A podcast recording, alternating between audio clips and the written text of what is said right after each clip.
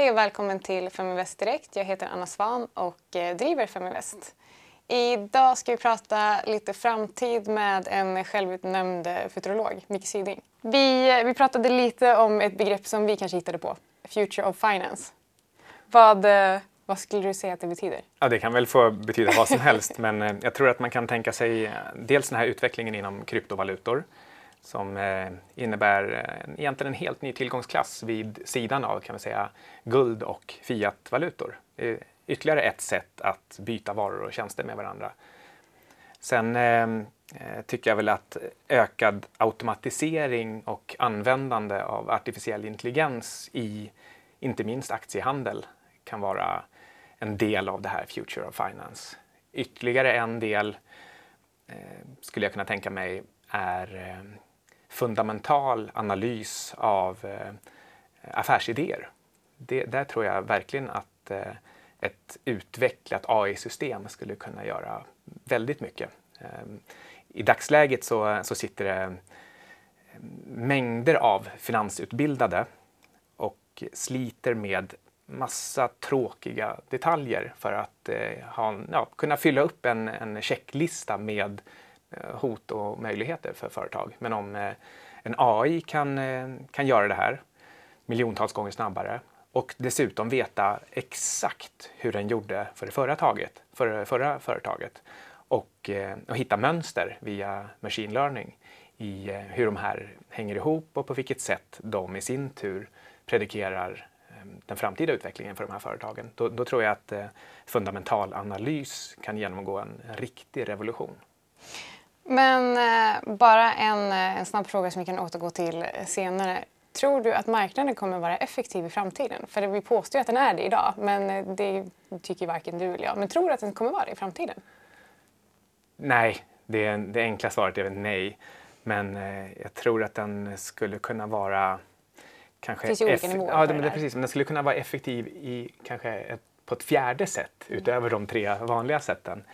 Om man ser framför sig AI som både tittar på teknisk analys och fundamental analys. Man vet vad saker och ting antagligen är värda och man vet också med väldigt eh, god precision hur eh, en viss typ av mönster brukar liksom, förklara hur det kommer röra sig sen. Då, eh, då kan de automatiska handelssystem som är igång liksom, slåss om det fundamentan eller det tekniska som är det viktigaste. Men jag tror att eh, jag tror man kommer få se mindre galna avvikelser därför att det kommer alltid finnas system som fungerar bra och som har mycket pengar som, eh, som hellre spelar åt andra hållet. Så, så jag tror att den kommer, bli, den kommer bli mycket effektivare. Men det kommer säkert också förekomma enstaka flashkrascher både uppåt och neråt som kanske är ännu mer extrema. Och eh, man kanske ska sammanfatta för de som kanske inte har hört talas om det här med eh, eh, den effektiva marknadshypotesen så handlar det egentligen om att om en marknad är effektiv så betyder det att alla som handlar egentligen har tillgång till samma inf mängd information och kan handla på den. Mm, och all eh. den information också är diskonterad in i priserna, den, man har tagit hänsyn till den. Precis, och det här kan vara i olika nivåer och eh, hypotesen idag säger att eh, ja, marknaden är effektiv.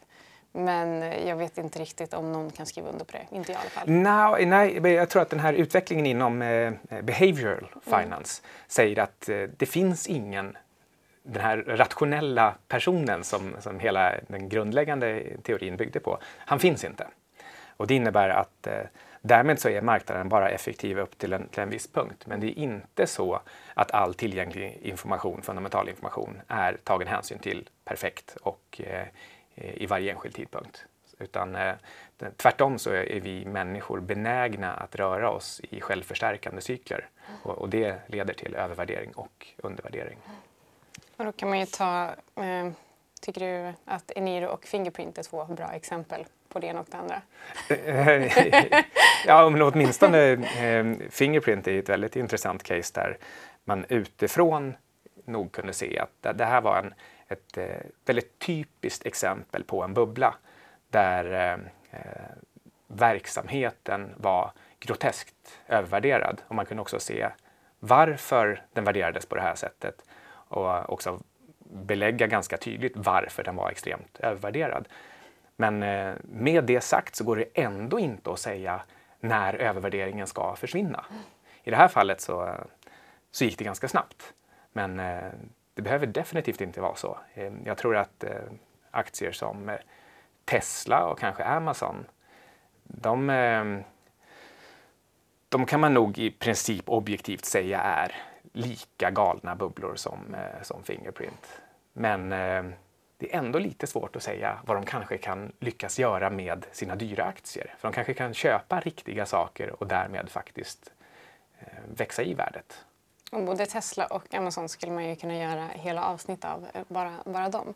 Eh, men vad... Eh, det har ju, alltså utvecklingen gått ganska snabbt om vi nu går tillbaka till det här med robothandel och algoritmer och sådär. Eh, hur stor skillnad är det på finansmarknaden nu kontra för kanske 10 och 20 år sedan?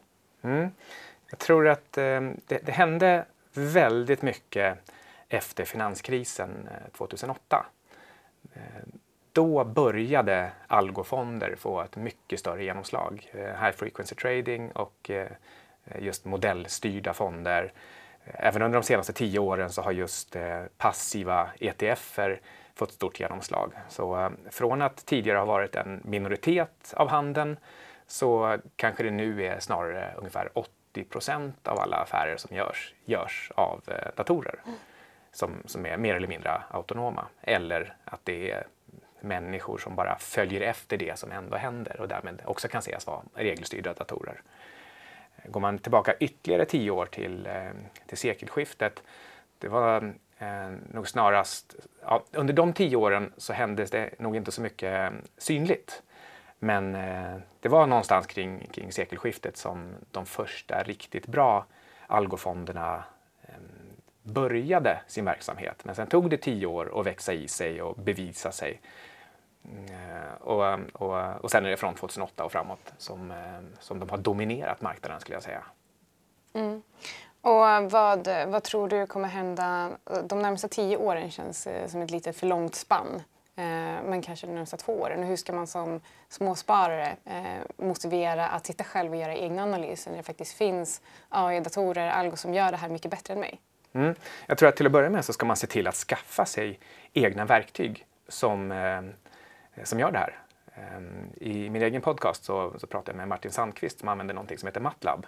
Och det är den typen av verktyg som man kan behöva använda för att Eh, Eh, i alla fall en liten stund till behålla i alla fall en fördel mot människor som inte använder det här. Sen att man är chanslös i de stora bolagen mot de, de riktiga algofonderna, det är en annan sak. Men om man, om man håller sig till lite mindre företag som inte finns i, i några särskilt viktiga index och, och som antagligen är, är bortglömda eller för små för de stora att handla med.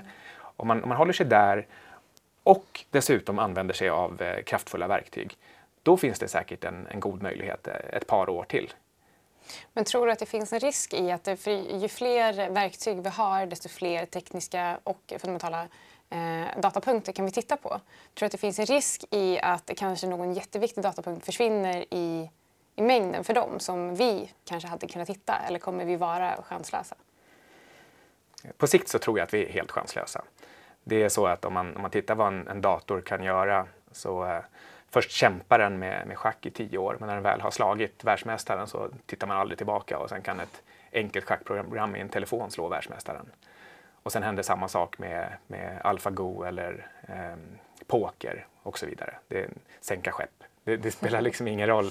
När de väl har uppnått vår nivå så bara springer de vidare ännu snabbare och lämnar oss eh, så långt efter att det inte ens är jämförbart. Jag tror att samma sak kommer hända på finansmarknaden också. Mm. Men hur, eh, för du sa att alla kan till exempel bygga egna algoritmer via till exempel MATLAB. Kan alla lära sig det? Det låter ju, det låter ju svårt kanske för de som inte, inte riktigt vet vad det betyder eller hur man gör. Va, hur, hur, bygger man en algoritm? Om man är intresserad så ja. tror jag inte att det är särskilt svårt. Det är inte, det är inte värre än, än matten i skolan och alla har gått grundskolan och rätt många har även gått gymnasiet. Det är inte, det är inte knepigare än så. Och har man ett intresse så, så hjälper de här programmen dig att, att förstå vad det är du är ute efter. I grund och botten så handlar det bara om mönsterigenkänning. Du tar en variabel. Här är någonting som händer i världen. Dollarn rör sig eller intäkter mm. rör sig eller en, en kurs rör sig på ett visst sätt. Och sen frågar du det här systemet hur rör sig den här variabeln som jag är intresserad av? En mm. annan aktiekurs eller en valutakurs? Och eh, lyckas du hitta ett tillräckligt stabilt mönster som förhoppningsvis inte så många andra har hittat, ja då kan du börja handla på det. Och det här programmet kan hjälpa dig att testa bakåt om det här, hur länge har det funkat och hur väl har det funkat? Och det finns även andra statistiska verktyg som du behöver inte alls förstå hur de funkar i, liksom, i minsta detalj. För programmet hjälper dig att förklara att när den har en viss korrelation eller när den här eh, korrelationen mellan de här två variablerna har vissa egenskaper som då mäts ut med lite sköna grekiska bokstäver och, och siffror. Och den, den, förklarar för dig att när du är i det här intervallet, då är det bättre än i det här intervallet. Så eh, du behöver bara ha en, en god fantasi om vilka saker du vill testa mot varandra. Men eh, vad, så om man, men om man inte har intresset eller kunskapen, vad kan man göra då? Är det då kanske bättre läge nu, kanske redan nu, att titta efter de eh, algofonder som finns, titta på det utbudet som finns? Ja, det är en, det är, det är en möjlighet. En annan möjlighet är faktiskt att, att gå riktigt, riktigt low tech och low frequency. Att eh, hitta ett företag som har en, en bra affärsidé, en, en rejäl konkurrensvallgrav som Buffett pratar om, som, som du tror inte kommer automatiseras bort eller av andra anledningar tappa rejält de kommande 10-20 åren. Och så bara köper du den typen av bolag och, och glömmer bort dem. Men kul att du sa Buffett. Tror du att eh, han, hans metoder har spelat ut sin roll? Det tror du uppenbarligen inte då. Eh, men tror du att, eh, nu är han ju rätt gammal så vi vet ju inte hur, hur länge han kommer finnas kvar eh, i branschen i och för sig. Men säg att han vore 20 år yngre och man fortfarande hade samma track record, kan vi låtsas. Tror du att han hade varit chanslös också? Tror du att han hade spelat ut sin roll? Nu är det så här att Buffett är inte en särskilt bra stockpicker. Det är inte det han har gjort. Han har haft ett försäkringsbolag som har ett, ett positivt flow. Det vill säga han har pengar in från försäkringstagare som egentligen inte är hans, men som ska betalas ut till de här eh, försäkringstagarna någon gång i framtiden. Men under tiden så, så får Berkshire Hathaway använda pengarna. Och då har de använt de här pengarna och köpt mer eller mindre eh, börsindex. Så han har legat eh, belånad med pengar som inte är hans eh, och long only över väldigt lång tid det är därför så, så har han slagit index varje år. Det är, det är genialt att ha insett det här. Det är genialt att ha vågat alltid köra buy and hold, hur otäckt den har sett ut. Men eh, eh, det är inte så att han har varit en extremt duktig stockpicker. Han har bara köpt ekonomin. Och det kan du också göra. Köp någonting som inte ser så himla dyrt ut och som verkar handla om att eh, tillfredsställa människors eh, önskningar. Så, eh, så kommer du få den ekonomiska tillväxten och kanske lite till om det är riktigt bra företagsledare. Och så är det bara att vänta. Det här handlar inte alls då om att slå datorer som, som hittar små avvikelser eller små under eller övervärderingar, utan det här handlar bara om att vara en del av ekonomin över tid. Så eh, det är lite spännande att du säger det nu, för att det var bara ett par veckor sedan som Sparpodden tog upp eh, just att, eh, jag tror till och med att avsnittet heter Buffett är överskattad, och sa ungefär det här. Att han haft han har haft tur och han har gjort det under en period som ekonomin har gått väldigt bra. Eh, och sen är det faktiskt inte så himla länge sedan som jag skrev ett blogginlägg om att Buffett tycker att börsen är dyr för att han är ju, eh, har ganska stor allokering i cash just nu. Mm. Så det ska bli spännande att se vad som händer där. Men om vi går tillbaka till eh, att ekonomin går bra. Tror du att eh, den här eh, datahandeln som sker nu att det också kan påverka eh, börsens cykler på sikt? För att nu har vi ju haft en otrolig hausse ganska länge. Mm. Ehm, det finns anledning att tro att saker och ting går snabbare och snabbare ju fler datorer som blir inblandade. Det vill säga att man, ehm, det blir högre och snabbare toppar och på samma sätt snabbare korrigeringar när, när de väl sker. Nu ehm, eh, ser det ju kanske inte riktigt ut så för att vi har haft en ovanligt lång uppgångsperiod. Vilket, eh, vilket gör att man undrar nästan hur de där datorerna är programmerade. Men det kan vara helt enkelt så att i och med att eh, dominansen av algofonder, den har framför allt kommit fram under en uppgångsperiod. Och då blir det just uppgångsperiod den är programmerad för. Den, det finns liksom ingen riktig anledning att leta efter nedsida. Och ju längre det fortsätter, desto större blir eh, den här eh, vinklingen eller biasen mot att just eh, köpa tillfälliga nedgångar och, och, och satsa på uppgång. Och sen finns det ytterligare en, en poäng här och det är att hela marknaden är eh, vinklad mot just att, att ligga lång. Det är, det är, ganska få som funderar på att eh, korta eller tjäna pengar på nedgång utan man ligger antingen neutralt eller så ligger man lång. Eh, och jag tror att eh, kombinationen av det här, av trendföljarfonder och algofonder som är programmerade i en tid av framförallt uppgång och sen eh, glada privatsparare som, som när de tittar bakåt och de bara har 5-10 års perspektiv så går det ju alltid bara uppåt. Mm. Så det kan förklara varför det har gått längre än det brukar. Sen då, då återstår bara att se om det ska längre ner och snabbare än det brukar också. Mm. Och det är väl en sak som, som jag i alla fall tror på. Men eh, det finns också en risk då, blir det för dig och en möjlighet för alla andra, att, att börsen kanske faktiskt aldrig går ner. Ja, mm. för det är ju bara ett, ett låtsasspel mm. alltihop. Det är inte så att företagen är värda det som börsen säger. Företagen är egentligen värda det kassaflöde de, de själva kan producera. Mm. Sen att, eh, att man på marginalen köper och säljer en, en, liten andel av aktierna varje dag på högre kurser. Man säljer dem till varandra. Jag säljer till dig för 11 du till mm. mig för 12 och tillbaka. Fram. Det, det, det skapas inga pengar. Eh, företaget blir inte mer värt men själva aktien står i allt högre kurs. Mm. Och, eh, ja, i teorin så kan det faktiskt fortsätta precis hur högt upp som helst och du och jag kan kalla oss för triljardärer i slutändan. även om avkastningen egentligen bara är en krona om året. Mm. Och eh, som, eh, som avslutning, hur ska man som, eh, hur ska man som småsparare tänka? Vad, hur bör man tänka kring diversifiering och, och framtiden? Eftersom det är så osäkert och eftersom det verkar finnas ett antal olika faktorer som är lite, lite speciella den här gången. Vi har till exempel det här med att det, det trycks pengar på ett värre sätt än någonsin sedan romarriket. Vi har eh, algofonder och artificiell intelligens som, eh, som styr beteendet på börsen på ett sätt som vi människor egentligen inte förstår. Det finns ett antal värderingsparametrar som eh, som ligger mycket högre än topparna år 2000 och 1929 som båda följdes av spektakulära krascher. Med tanke på att det ser ut så här, men man ändå inte med eh, 100 sannolikhet kan säga att det inte fortsätter upp, mm då, eh, då gäller det bara att ta det försiktigt. Så stoppa inte in eh, insatsen till ditt nästa husköp på börsen. Eller Lägg inte allt i en aktie, en, en nyemitterad oprövad aktie. Eh, eller för den skull, lägg inte allting i bara svenska storbolag.